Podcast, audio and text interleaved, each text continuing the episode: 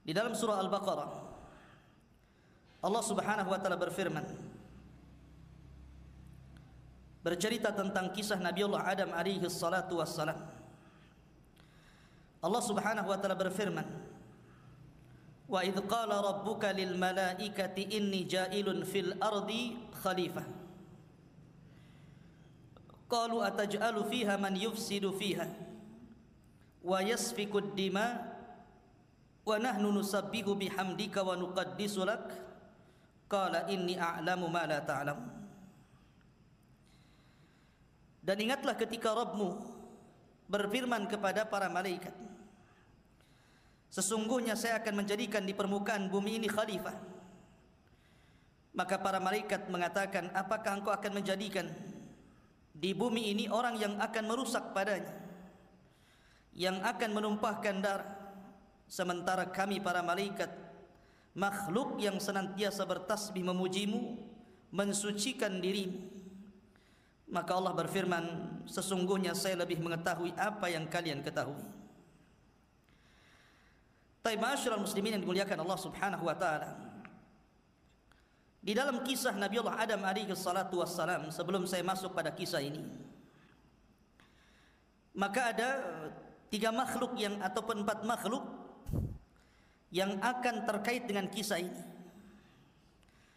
Pertama Adam alaihi salatu wassalam dan dia adalah orang yang pertama kali Allah ciptakan dari kalangan manusia bahkan dia manusia pertama yang Allah ciptakan bahkan dia adalah nabi yang pertama dan rasul yang nabi yang pertama yang Allah Subhanahu wa taala utus. Kemudian yang kedua, Hawa. Dan dia adalah wanita pertama yang diciptakan Allah Subhanahu wa taala dari tulang rusuk Adam. Kemudian yang ketiga iblis.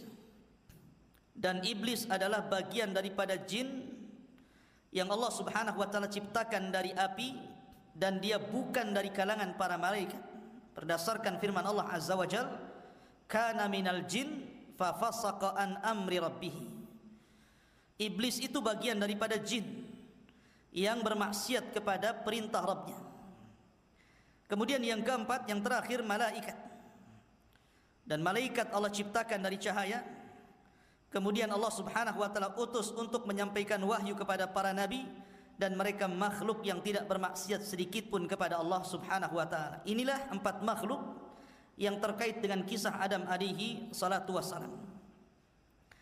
Adapun secara global faedah dari kisah Adam alaihi salatu wassalam yang nanti kita akan petik. Yang pertama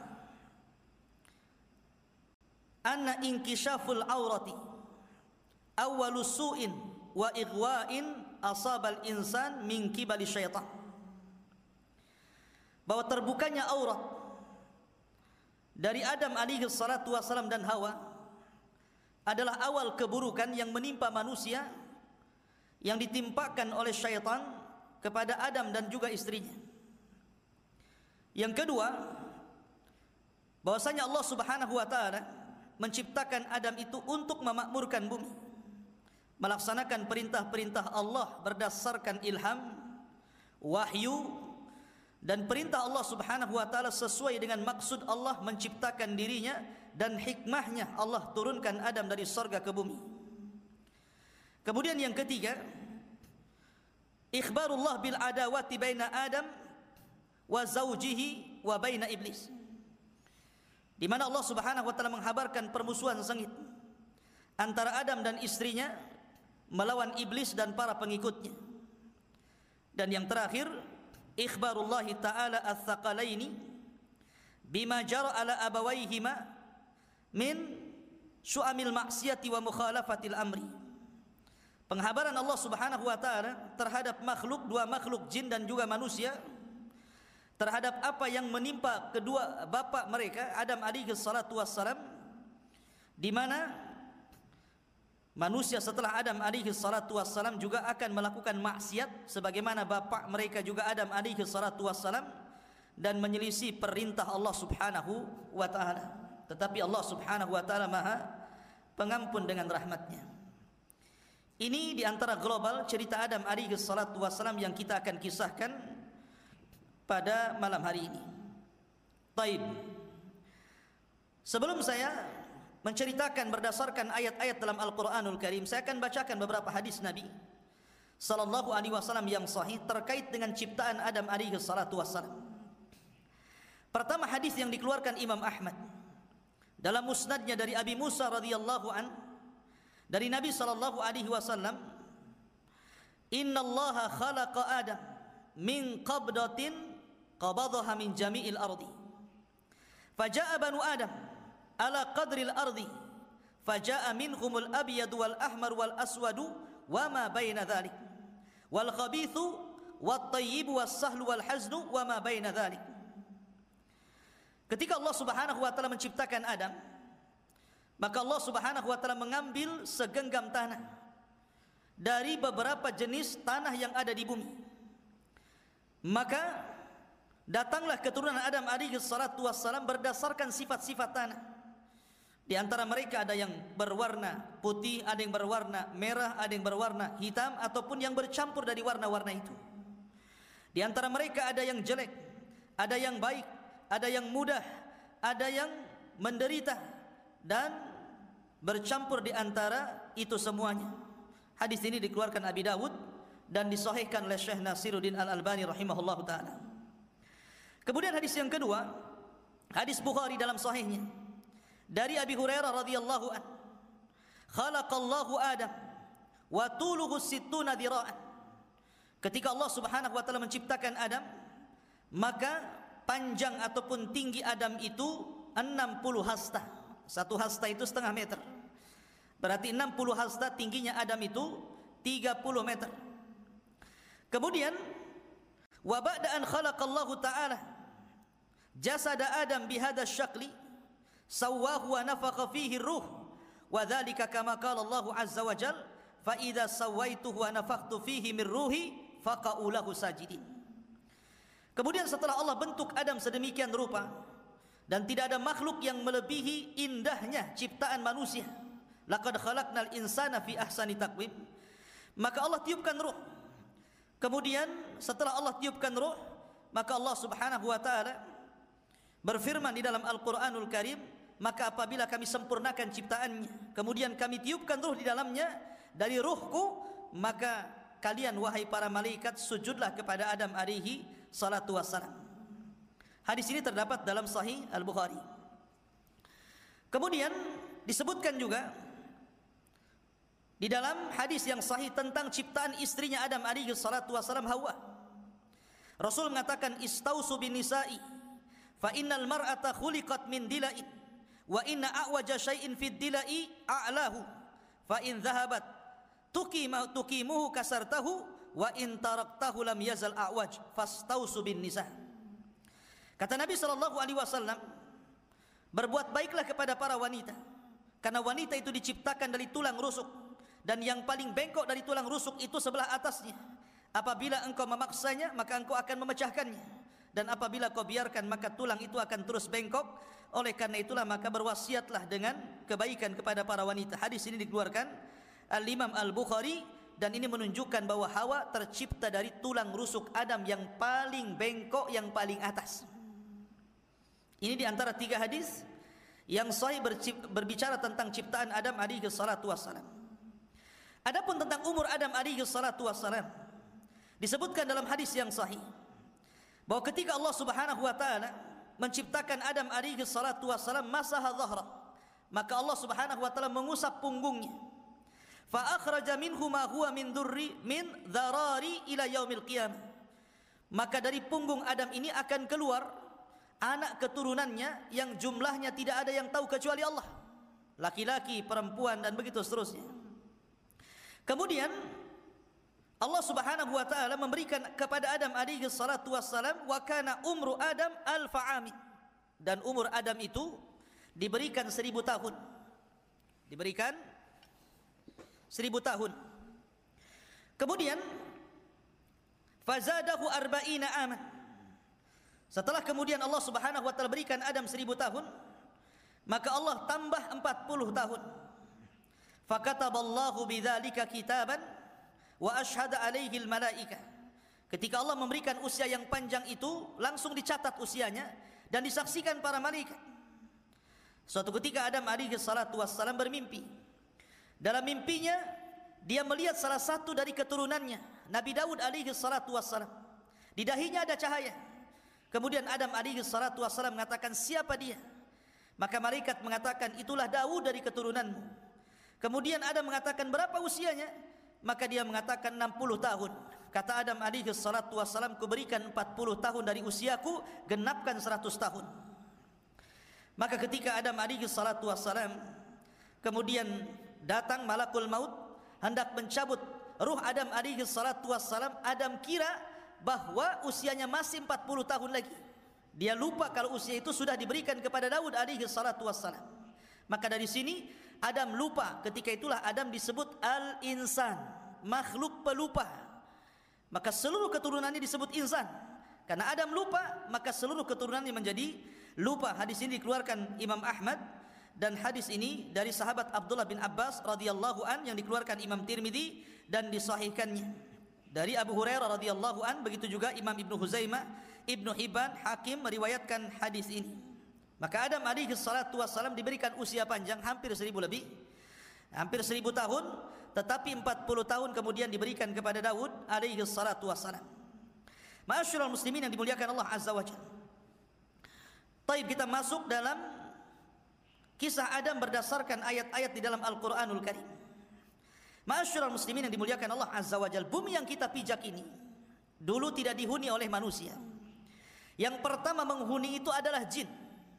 Itulah jin pertama kali menghuni bumi. Maka jin ini melakukan kerusakan. Kerusakan di mana-mana. Akhirnya kemudian Allah Subhanahu wa taala utus dari kalangan jin orang yang jin yang paling soleh di antara mereka. Tidak disebut namanya, tetapi dalam kisah Israiliyat disebut namanya Azazil. Dialah jin yang paling soleh yang hidup di antara jin-jin yang ketika itu menguasai bumi. Maka kemudian Azazil ini, jin yang paling soleh itu diperintahkan Allah Subhanahu wa taala layaknya seorang nabi berdakwah memperbaiki bangsa jin. Akan tetapi karena bangsa jin yang jahat jauh lebih banyak dibandingkan yang yang baik maka kewalahanlah jin yang saleh ini maka dia meminta pertolongan kepada Allah Subhanahu wa taala. Setelah meminta pertolongan kepada Allah Azza wa Jalla maka Allah kirim para malaikat untuk menjadi tentara bagi jin yang saleh ini maka malaikat inilah kemudian menolong dan membantu jin yang menurut Israiliyat disebut Azazil maka sebagian jin akhirnya ah, dibantai yang masih kemudian membangkang dibunuh, sebagian mereka lari dipenjarakan di hutan-hutan, di lautan dan begitu seterusnya. Sampai akhirnya Azazil berhasil mentertibkan bangsa jin dan menghukum jin-jin yang jahat. Maka sebab itulah maka akhirnya Allah Subhanahu wa taala angkat Azazil ke langit. Kemudian hidup bersama para malaikat. Sebagaimana kisah Nabi Allah Idris alaihi salatu wassalam Allah angkat ke langit. Allah mengatakan wa rafa'nahu makanan aliyya kami tempatkan tempat yang paling tinggi bagi Idris di langit keempat. Maka begitu juga Azazil diangkat ke langit. Kemudian hidup bersama para malaikat dan Allah Subhanahu wa taala tempatkan iblis ataupun tempatkan Azazil di sorga yang penuh dengan kenikmatan menjadi khazainul jannah, menjadi bendaharawan sorga. Diberikan semua kenikmatan sorga dan iblis merasakan nikmat yang luar biasa sampai pada waktunya.